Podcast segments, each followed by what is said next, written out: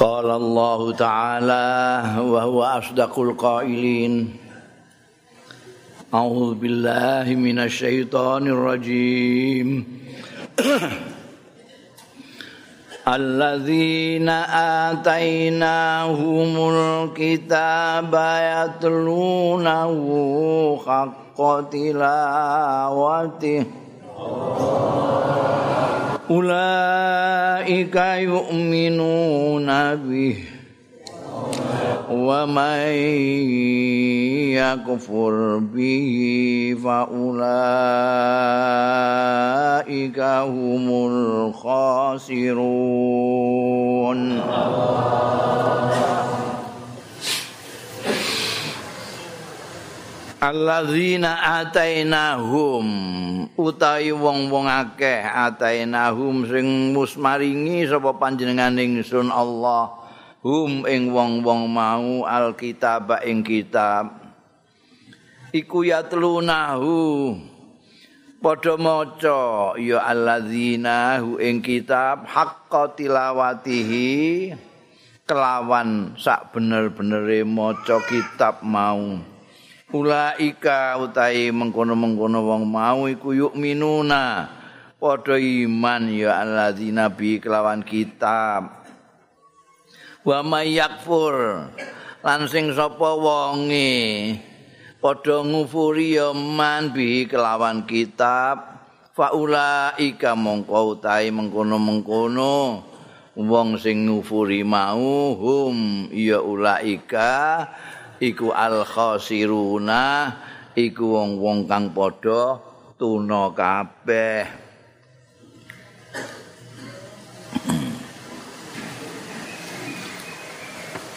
Niki objektif Al-Qur'an niki objektif Gusti Allah niku. Nek wingi-wingi kritikan-kritikan kangge sebagian wong-wong Yahudi, wong Nasrani niki sakniki nyebutake ora kabeh.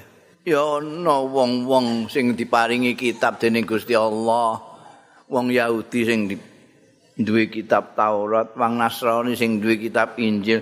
Ya ana sing maca kitabe kanthi sak bener-bener maca sing tenanan maca sing ya ora beda karo wong-wong sing diparingi Al-Qur'an awake dhewe nira nggih ana sing maca tenanan ana sing ora patiyon. Malah sing blas maca ya gak on. sing macane pendak Ramadan nggih ana. Sing macane kaya bis malam ya ana ekspres. Ana tapi ya ana sing macane alon-alon karo diangen-angen maknane. Ana sing macane bareng-bareng karo ngaji maknane dina Jumat ngeten iki. Ya macam-macam. Niki objektif. Wong-wong Nasrani, wong Yahudi ya ngono ahli kitab. Ana sing macane tenanan, hakka tilawati. Tilawah menika maknane kaya padha karo qiraah. Qiraah niku maca tala tilawatan ya maca. Bahasa Arab niku kula pun sering matur saking sugehe kosakata. Ora kaya bahasa Indonesia kan nembe anyaran. Dadi ora pati sugih. Mulane awake dhewe kadang-kadang ngandakno sesuatu mboten saged. Jadi rasanya itu bagaimana gitu. Berarti dia gak ngerti rasanya piye. Bagaimana gitu. Mereka ora iso ngandakno. Begini bahasa Arab niku Masya Allah. Nggo ngucapno satu makna niku kadang-kadang nganti atusan.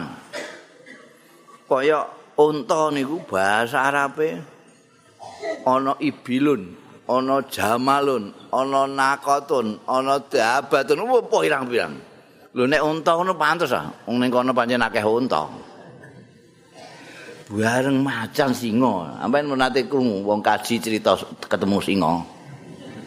Macan ora ono. Tapi niku wong Arab ngandakno singa niku niku ngantek punjul kok 30 kata al asadu singa. Al asbalu singa. Al haidaratu singa. Al usamatu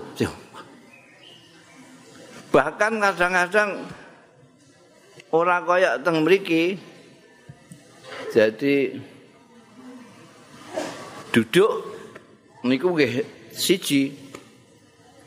Kok turun-turun terus linggih ya jenenge duduk kok ngadeg linggih ya jenenge duduk nek teng Arab beda nek bar kok turu kok linggih namine jalasa sampe nek ngongkon wong turun-turun kok kon linggih diomongi wong turun ae ijlis linggih linggih linggih niku ijlis tapi nek wong ngadeg dikongkon linggih Dia omongi wong kok ngejejer ae. Nggih.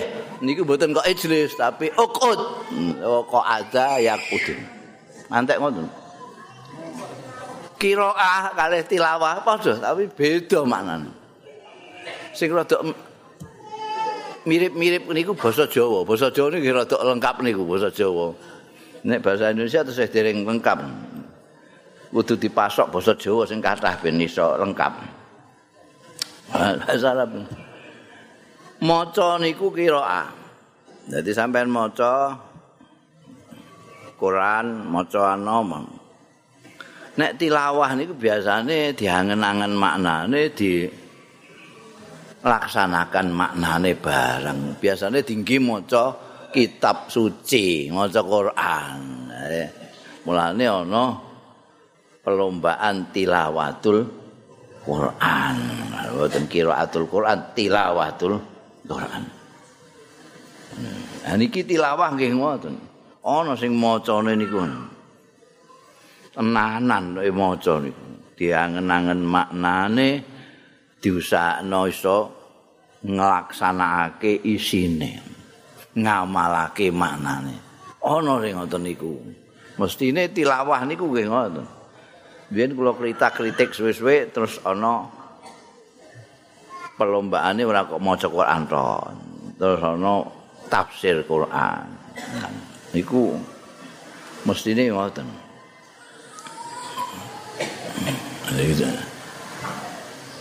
Alladzina atainahumul kitab niki termasuk wong Yahudi sing duwe kitab Taurat, termasuk wong Nasrani sing duwe Injil, termasuk awake dhewe sing duwe Quran. Niki ana sing ya telunahu haqqo tilawati nggih wonten.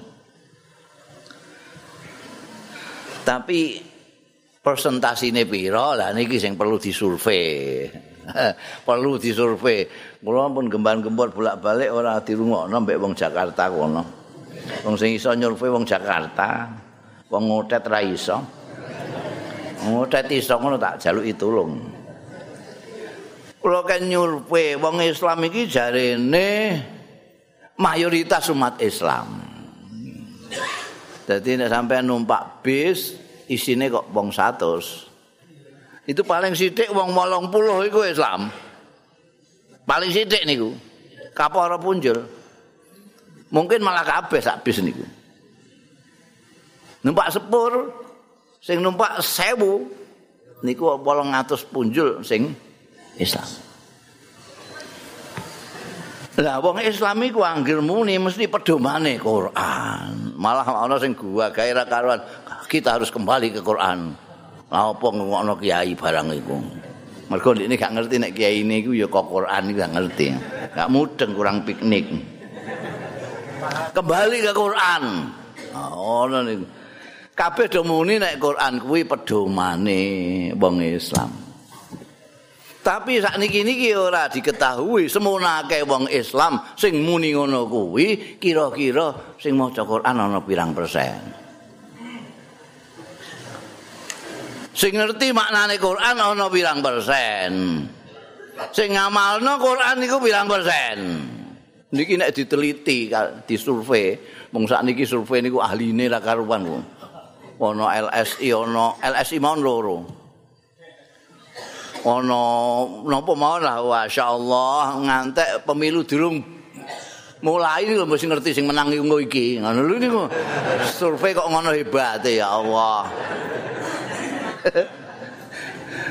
Pilpres pilkada burung bal kok iso ngerti sing menang iku engko iki. Mbok saiki tulung kula ini bolak-balik gembor. Tulung saiki iki lho. Penting iki. Wong Islam iki disurvei. Kira-kira Lah sing kula nunutno sensus mbiyen niku jarene wis terlambat. Nek sensus niku sing diteliti penggaweane ton. Nah iki penggaweane agamane apa? Penggaweane apa? Sing tani apa dagang apa nelayan niku biyen disensus kabeh niku. Agamane apa? Niki jane dilebokno ning sensus. Pira wong Islam sing maca Quran? Pira sing paham maknane Quran? Pira sing ngamalno Quran? Mangke niku saged tinggi menyelesaikan seluruh persoalan teng Indonesia niki nek jare kula. Mergo napa? Mergo Indonesia niki mayoritas wong Islam. Dadi nek Indonesia niki maju, wong Islam sing kudu syukur pertama kali. Tapi nek belesek Indonesia ini sing bertanggung jawab ya wong Islam. Sampai tinggal ya sing korupsi-korupsi niku. Umumnya wong Islam. Lah mergo wong Islam bilang-bilang kok. Sing maling ya wong Islam. Sing tebar-tekbir tapi gak ngerti maknane tekbir ya wong Islam. Ya padang masyaallah. Wong Islam akeh banget. Mangke nek di survei terus konangan. Hasilnya niku kula yakin iso digo memecahkan persoalan Indonesia. Bareng didelok hasilnya Oh, langsung maca Quran iku mok semene. Oh, lah wong sing ngerti mok semene. Tambah sithik. Oh, lah sing ngamalno ora ono. niki mangke saged dibagi ning departemen-departemen kementerian iki kementerian iki lho Kementerian Agama dituduhno iki lho engko ndak dinggo poyok-poyokan. Kementerian agama kok akeh koruptor iku piye? Ngoten lho ya sing maca Quran kok semene sing ora sing ngamalno gak ono kok ngono. Iki ning menteri pendidikan sekolahan piye sekolahan? Diperiksa neh. Kurikulume selabuse diperiksa neh. Iki jajal pelajaran agama, pelajaran agama sing diusul-usulno terus kan biyen di seluruh sekolah, di semua jajaran iku isine apa? Didelok. Oh, isine mau pira rukune salat. Pira syarate wudu. Ngono tok wae jare. Angger bener jumlahe ya 10. pira rukun syarat rukune salat jawabe murid kok bener lulus salat cek ora cah iku urusan iki saged dingin memperbaiki kurikulum silabus iki. Piye carane? Wong Islam semena kok ora ketok? Akhlake Kanjeng Nabi kok gak ketok ning gone mall gak ketok ning pasar gak ketok ning dalan gak ketok. Sing ketok kok akhlake Abu Jahal kabeh. Sak kiyaine sak ustate bayangno nek kiai mbek ustate ora genah rakyate makmume kaya apa Lha kok Lah mulane kok kiai-kiai ini kok raine peteng kabeh. Lah ora maca Quran. Maca ora paham Quran. Iki wong Islam semenake kok tukaran kabeh.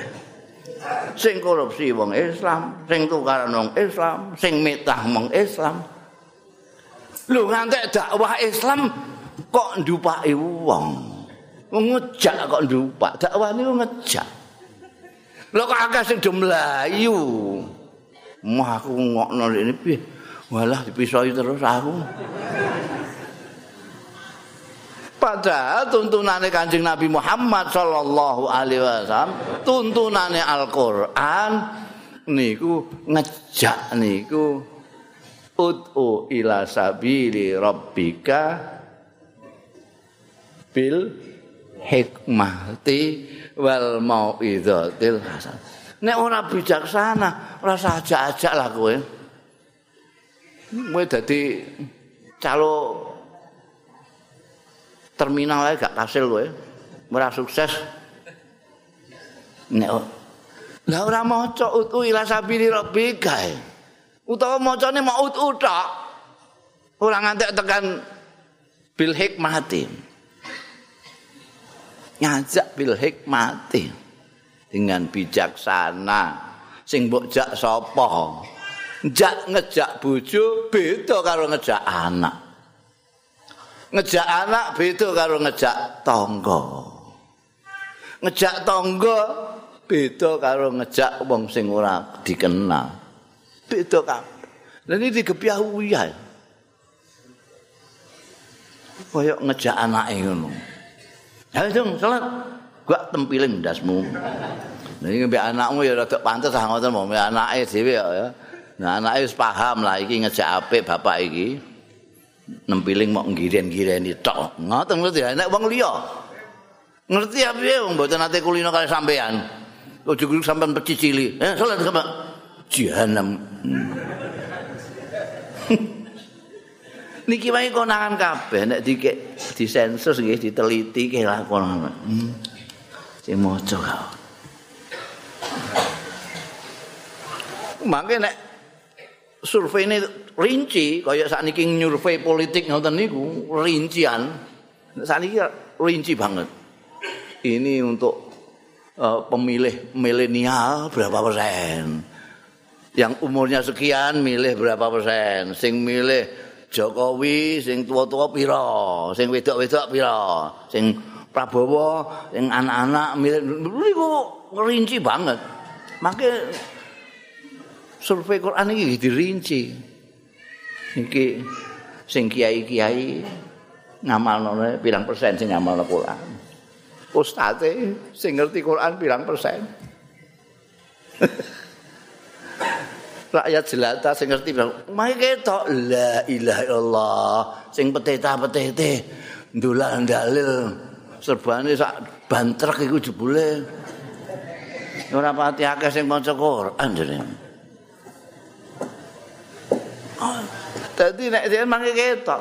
Oh ini perlu dikirim ning gone MUI iki lho.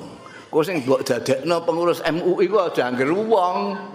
pepes serbanan terus mbok dadekno ketua MUI dadekno pengurus MUI la ilaha illallah. Standarte iku kudu enek.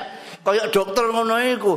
Pakai fakultas kedokteran semester 5 nambani wong nyuntik wong. Cekel polisi. Wong wis lulus dokter ning mau kudu praktek sik. Tak piturute kok. Iki lagi semester 5 anakku fakultas dokteran. Wis ah. Kowe rata apa kowe bengek. Kono den disuntik anakku.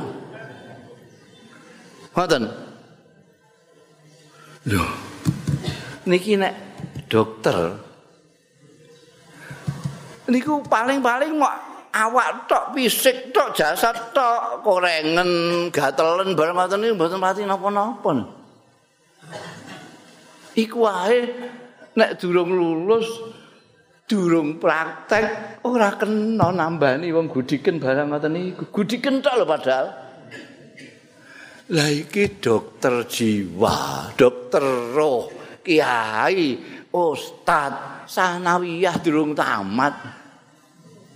Kok oleh nambani?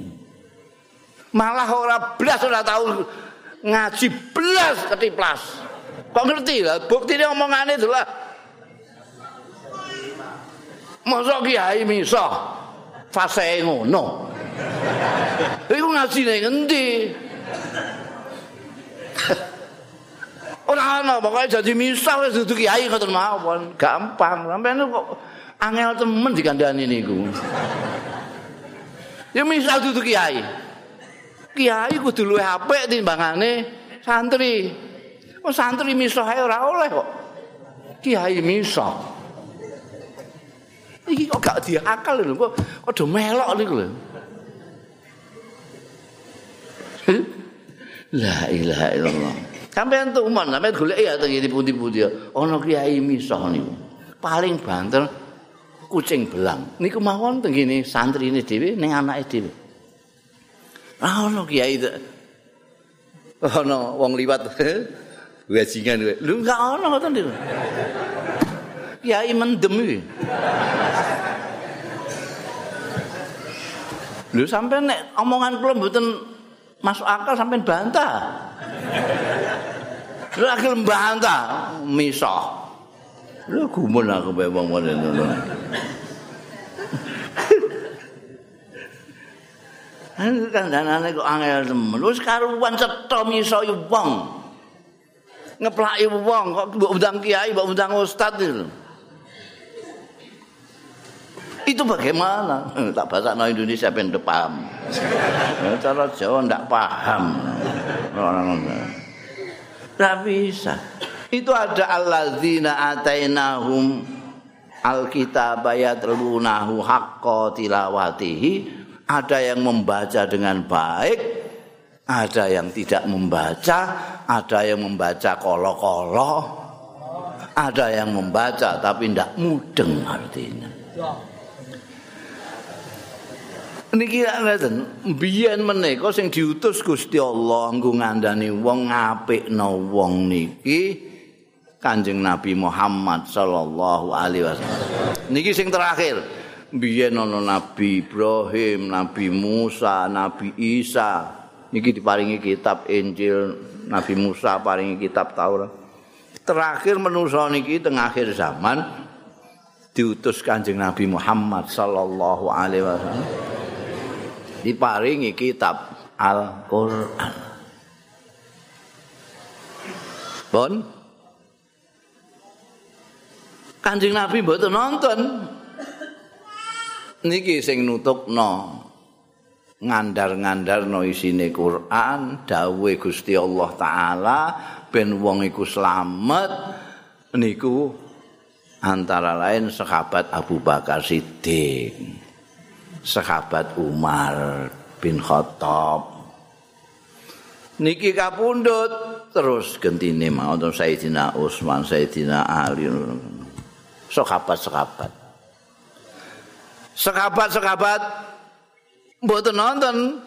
Santri-santri ini sahabat sing namine tabiin. Tabiin kapundhut santri-santri ne tabiin nggih itu tabiit tabiin terus ngantek ulama-ulama ulama-ulama ulama-ulama terus mengisal-mengisal ngantek kiai. Niki sing bertugas bertanggung jawab melanjutkan perjuangane Kanjeng Nabi Muhammad sallallahu alaihi wasallam ngejak menusa ning swarga ini tugasnya.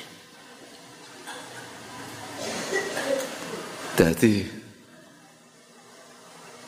Kanjeng Nabi ninggalake Quran kali sunnah niki sing iso ngerti Quran lan sunnah menika ya sing sinau Quran lan sunnah. Sapa sahabat biyen Sapa sakwise sahabat tabiin? Sapa sakwise tabiin? Tabiut tabiin. Sapa tabi tabiin? Ulama-ulama. Nek iso kaya zaman sahabat, kaya zaman Kanjeng Nabi. Wong sing ora iso maca Quran, sing ora pati kobel maca Quran, cukup nyawang sahabat.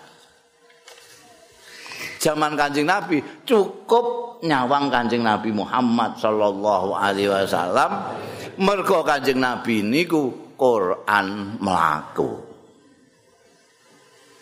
Dawe garwane kinasih Sayyidatina Aisyah nalika disuwuni pirsa Kanjeng Nabi pribadine kaya apa? Siti Aisyah ndang lho kok koyo takok pribadine Kanjeng Nabi ku? Apa ora tau maca Quran Nggih maca. Lah maca kok takok. Kana khuluquhul Quran. Kanjeng Nabi iku ya Quran laku iku. Lah ideale sakniki niki ya kiai-kiai ku. Ustaz ora ana istilahnya gak ana. Ustaz niku maknane profesor kok. Kiai. Niku ulama saiki wis ora ana ulama. Kiai ngoten mawon. Lah kiai niku tugase nggih niku. Bantu wong-wong awam sing durung pati iso maca Quran. Bantune piye? Ndekne wong paham Quran kok. Lakune sing Qurani ben ditiru wong-wong sing ora maca Quran. Kaya zaman Kanjeng Nabi wong ngerti oh ngono kuwi to. Laku Qurani ku ngono kuwi. Ketok dadi wong karek ngetutno. Ora pati maca Quran barang nang Kanjeng Nabi oh ngono iku carane. bergaul karo wong oh, cara ngene karo apik karo bojo kan arek nawang kanjeng nabi ya sakniki ra ono yo kiai-kiai niku sing ngaku-ngaku penerus kanjeng nabi kok mok gelare tok sing dipek ya tugase tugase apa ya bantu wong-wong awam niki piye carane supaya ngerti laku Quran itu kaya apa Jadi orang omongane tok kelakuane. Lah nek ngomong iki anggere wong raget. Men cah pondok mriki niki anggere Selasa latihan ngomong jatuh. Malah sampean saged ngundang sing wis sing wis rada apik niku sampean ngundang kan muludan tenggene kampung sampean wis wis kaya Ustaz Jakarta. La ilaha illallah. Nek ngomong gampang, sing penting lakune. Laku disawang-sawang biyen niku, biyen niku. Ah itu aku mau nderekno kiai, kiai jute kok ngono. Lha ngoten niku, kiai jute kok. Terus melokke ngoten mawon. Lah sakniki repot nek gak ono ngono. Dan ditiru kiai ini, lho kiai ini ngene warung yo jegrang ngono aku yo jegrang aku bae ana wong desa. Wong Pak Kiai ya jegrang ning warung ngono guyon mek bakule barang ngono.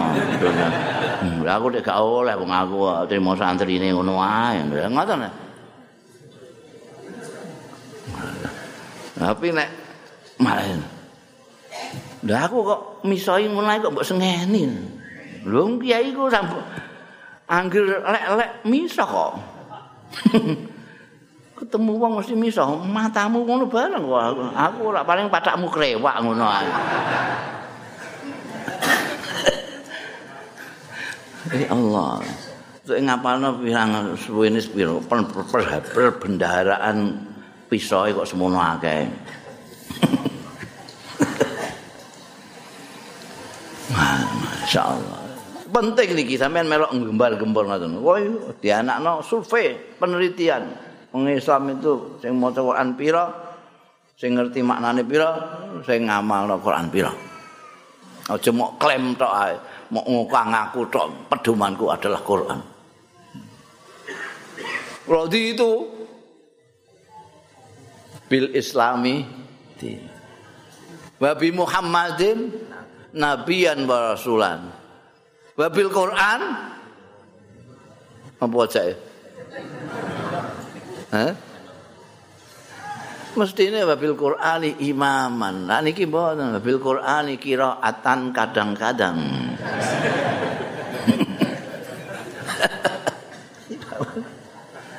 ya Allah, ini perlu disurvei tenan.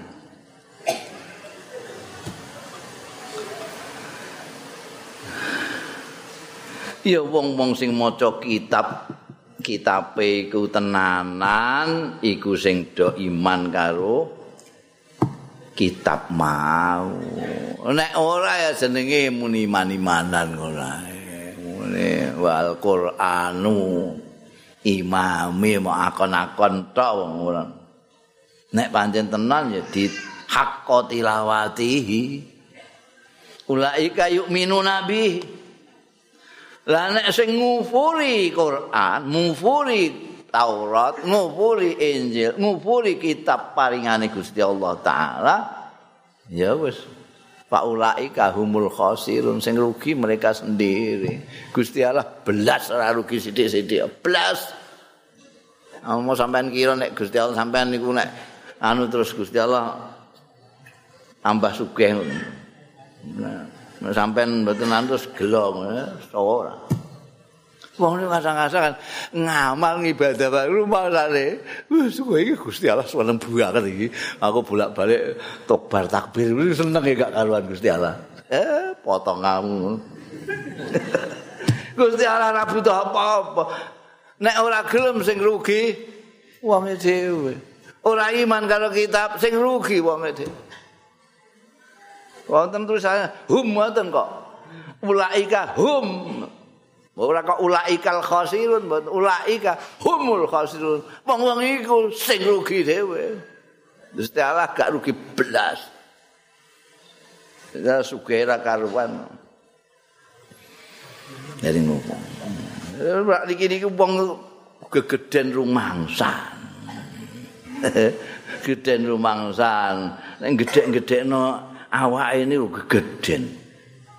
Wong nglakoni sembahyang dangsek ngono ae kok dadi mletene ra karuan. Embek wong sing durung salat sadane kok nyepelekno ngono. Ah jahanam kowe. Lah nek kowe, lah aku kan kadang-kadang salat. Lho kadang-kadang salat ae mbok bangga-banggakno ngono. La ilaha illallah. Nek kowe ya telunal kitab hak tilawate lah iku. Hmm. يا بني إسرائيل اذكروا نعمتي التي أنعمت عليكم. وأني فضلتكم على العالمين.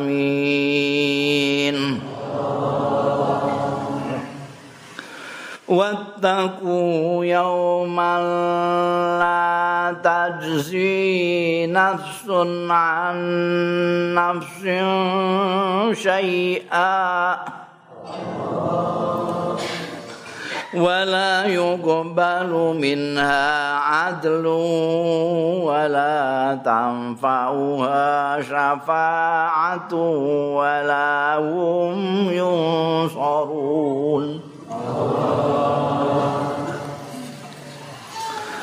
Sampai buka ayat sak derenge ayat patang puluh pitu. Sampai golek ya sing maca dengan gadah.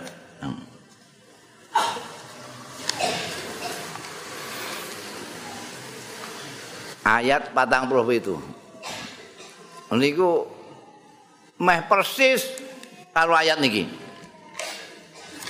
ayat itu niki wau sing kula waca ya bani Israil udhkuru nikmati allati an'amtu alaikum wa anni faddaltukum alal alamin wattaqu yauman la tajzi nafsun an nafsin syai'an wa la yuqbalu minna adlun wala tanfa'u syafa'atun wa lahum yunsal kula waca sakniki sing ayat 77 kali 78 Ya bani Israel Adhkuru ni'mati allati an'amtu alaikum Wa inni faddaltukum alal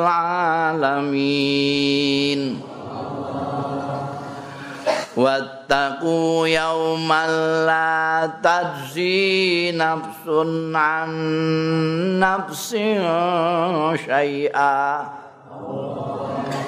wala yuqbalu minha syafa'atu wala yu'khadhu minha adlu wala hum yusarun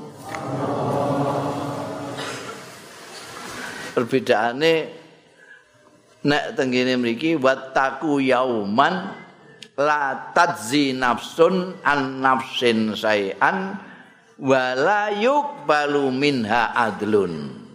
Nek sing ayat 48 wala yuqbalu minha syafa'atun. Wala yuqadu minha adlun. Adlune ning guri.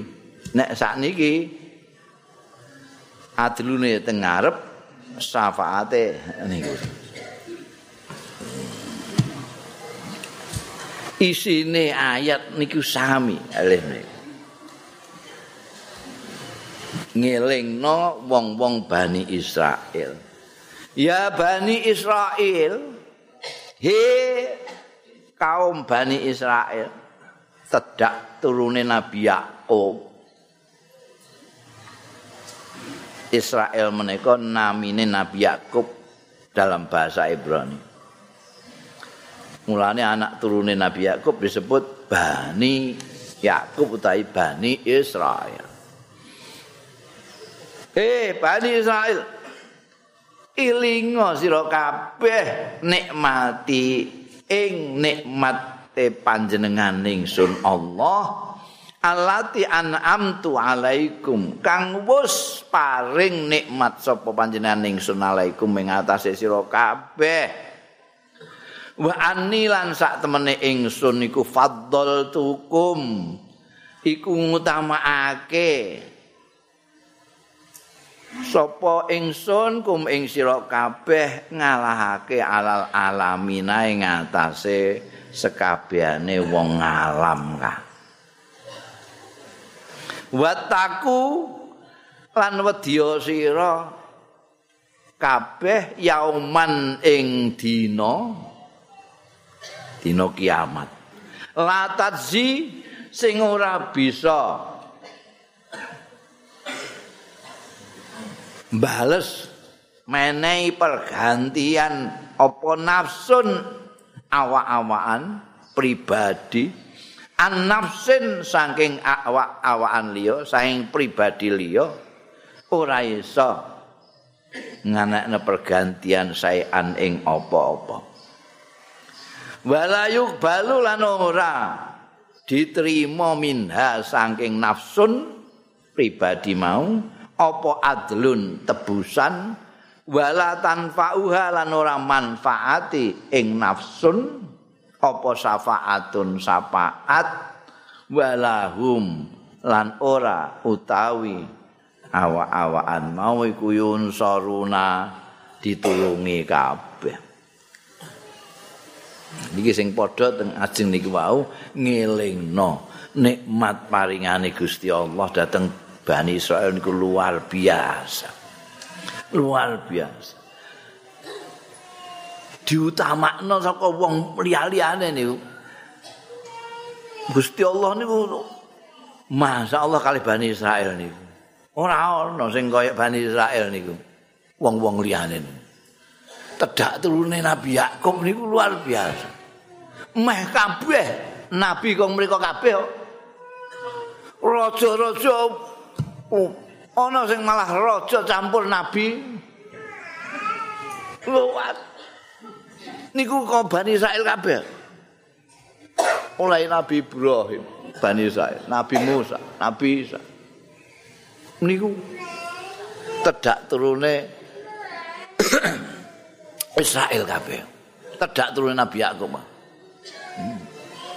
Masya Allah.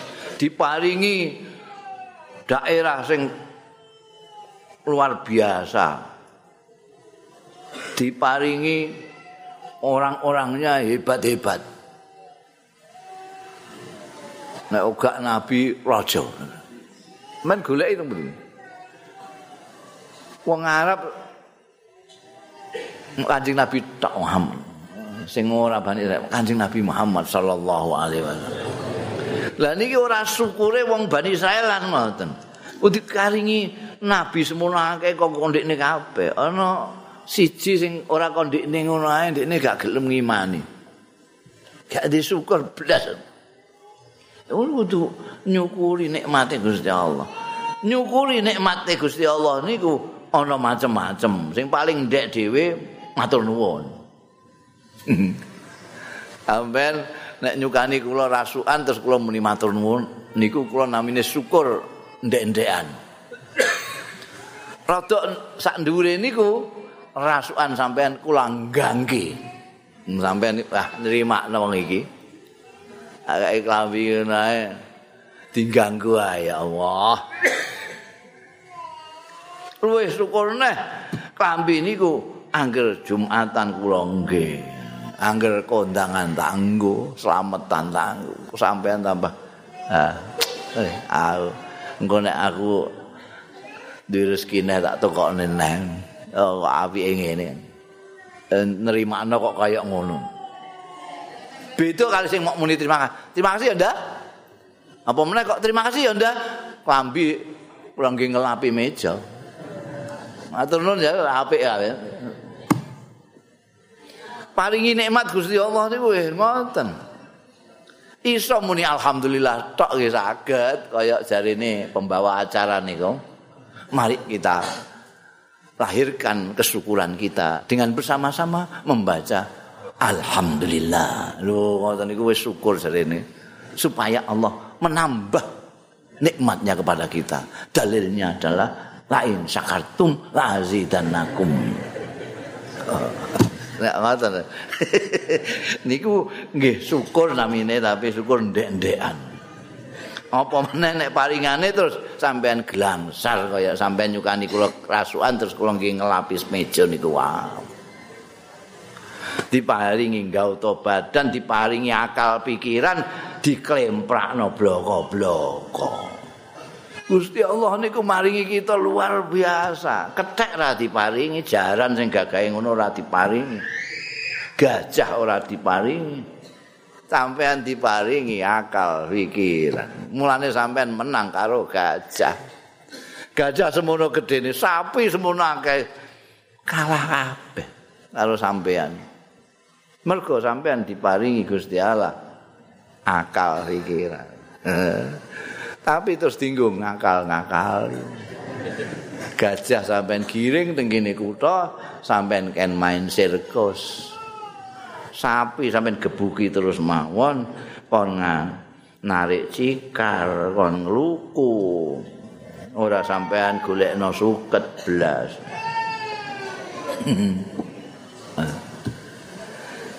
Hari ana sing diklemprakno bloko-bloko, akal pikirane dikemprakno.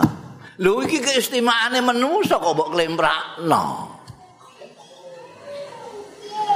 Jawabane jadi soalnya niki tahun politik mboten usah akal-akalan ampun. Akal pikiran dosok sorok ndekne melok pesta demokrasi. Rumangsane nek pesta demokrasi tahun politik itu ora usah nganggo akal ra apa-apa. Angger ngawur-ngawur sithik ra apa-apa. Lah nek ora nek akal pikiran gak dinggo, lah terus apa bedane mbek sapi? Mbek wedhus. Niku nyukuri nikmat.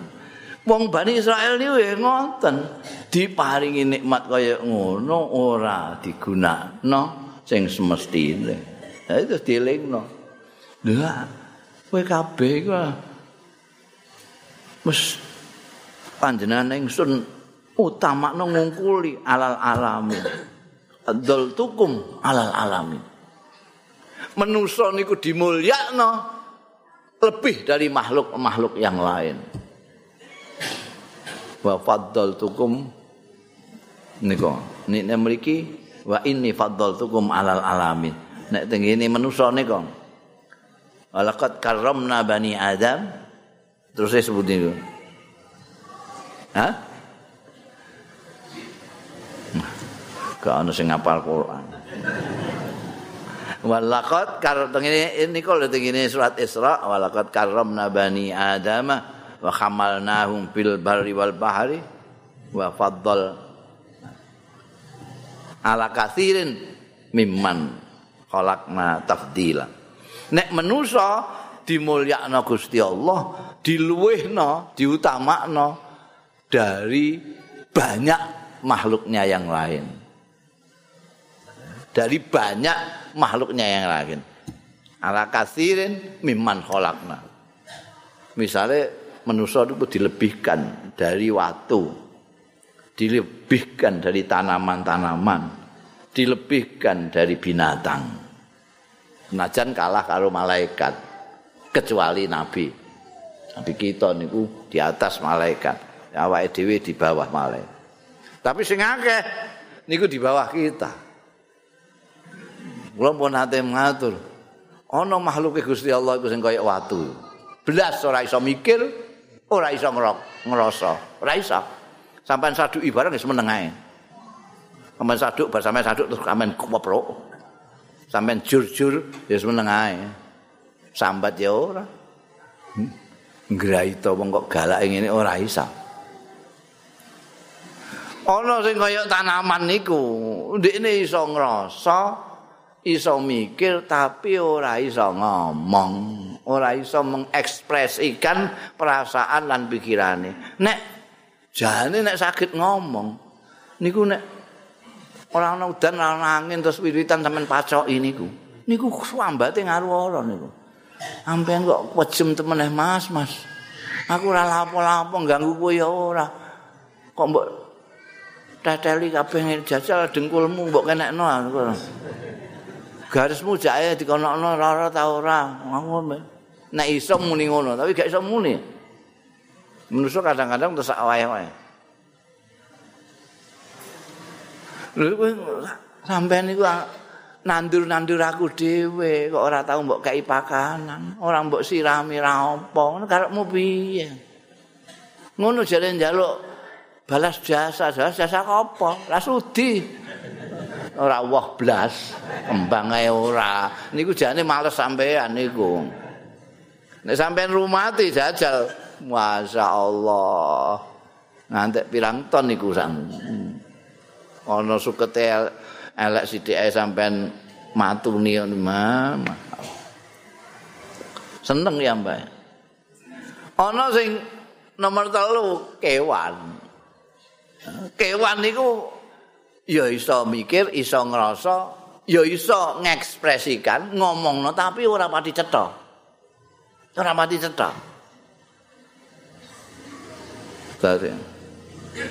Pamane sampean napa namine? Mepe pari. Tonton pitik to mriku. Sampeyan gusah. Wah wah wah wah wah mlayu tapi kok kok ya. Ngono lah ya aja ngantemi ya Kang, Kang ngono maksude ngoten. Wong tapi wong ora pati cetha ya Mbak, sampean mboten paham. Iku jane kepen ngomong. Sampai nek nyembelih korban ngoten niku, mboke sampean nyembelih cempe anake niki muni mbek mbek niku jane jane niku ngresulon ya Allah kowe kok kejem temen ngangkang mbokku kok mbok sembelih ngoten jane tapi sampean mboten paham wong ya mbake seneng ya mbek susah ya mbek. Isane mbek tok. Niki sampe nek mikir niku wau. Paringane Gusti Allah teng awake dhewe niku luar biasa. Awake dhewe iso ngrasa, iso mikir, iso nglamun, iso ngungkapno pikiran, iso ngungkapno perasaan, iso ngungkapno lamunan. Sing do nulis-nulis cerpen niku lamunan ya ditulis niku. Ora ana kedadiane awe ditulis kaya yo-yo niku wedhus ra iso. Wong misane mbek tok. Ini nikmat paringane Gusti Allah paling gede angge manusa lah di antara manusa niki Bani Israel diutamakno karo Gusti Allah taala. Mestine kudu luweh nemen tuh syukur wong Bani Israel niki. Mung dari sekian bangsa-bangsa itu Bani Israel saja sing mayoritas nabi utusane Gusti Allah saking mriku. Ora disyukuri malah dinggo bangga-bangganan. Dinggo melete-meletenan ana nabi sing ora kanggone ndikne ae terus ora ditut. Eling wedya sira. Niki hampir sama kali sing 48 ayat 48 wattaku yauman la tajzi nafsun. Kowe kudu wedi engko iku ana dina ya kuwi dina kiamat di mana pribadi-pribadi iku? Ora iso ngijoli saka pribadi liyane. Wis iku tak tanggungi aku. Nek ning donya iso muni ngono. Wis ah ngono. Mangan kok kowe nek lara aku sing nanggung. Muni ngono tok iso piye nanggung lara iki apa meneh kok dosa? Wis ah takoni dosa aku sing nanggung. Wis ah aku sing disiksa aku. Hmm. iso mboten saged la tazi nafsun an nafsin saya masing-masing bertanggung jawab atas perbuatannya sendiri-sendiri setiap awak-awakan nek bahasa Jawa niku nafsu niku awak-awakan pribadi-pribadi itu yang harus mempertanggungjawabkan sendiri apa yang diperbuat. Ndak bisa nanti nanggung-nanggung. Loh, niku anak kula ki ambek rasude. Ora ora perdu anakmu sendiri. Niku bojo kula ora. Mangke nek pun wonten dawuh wamtazul yauma ayyuhal mujrimun niku Ayo, misah, ninggih kabeh. Eh, niku bos kula, wis ora ana bos-bosan. Niku ponakan, ora ana ponak-ponakan. Wis tangisan Cina pokoke mangkene pun ngoten niku. Gak entuk. Dina iki la tajzi nafsun an nafsin saya. Punah kula tebusane ora ana tebus-tebusan. Bangkune ning donya piye wis entek iki donya wis bar. Sausum tebus-tebusan niku. Tak ijolane klopo sejinah ya. Aisyah. Nah, terus anu mangke kula ngejak maratuwa kula ben disapaati ya latan pauha syafaatun. ora ana sing nulung. Lah apa meneh kok calon sampean. Nulung ning dunya ora iso nulung ya. Wong meneh kon. Layuk balu mina adlun wala tanfauha syafaatun. Nah sakniki sampean bisa salah kalih kula terus kula sampean amplopi. Kula delok amplopi kok tipis. Ah ra iso. Ah ngapure enak ae to nglakon dosa nyalai wong kok karek ngamrun. Terus sampean tambahi. Dok kandur sithik, ora iso. Sampean kandel lima. Iku iso. Ya coba pindho. Adulen niku sakit ngoten niku donya niku. Eh, gampang wong sampean ditilang Pak polisi mau kan randang iso lepas kok. Mergo ana adlu. Tapi mboten polisi niki. Eh, polisi polisi ngaji beda kalau polisi ra ngaji.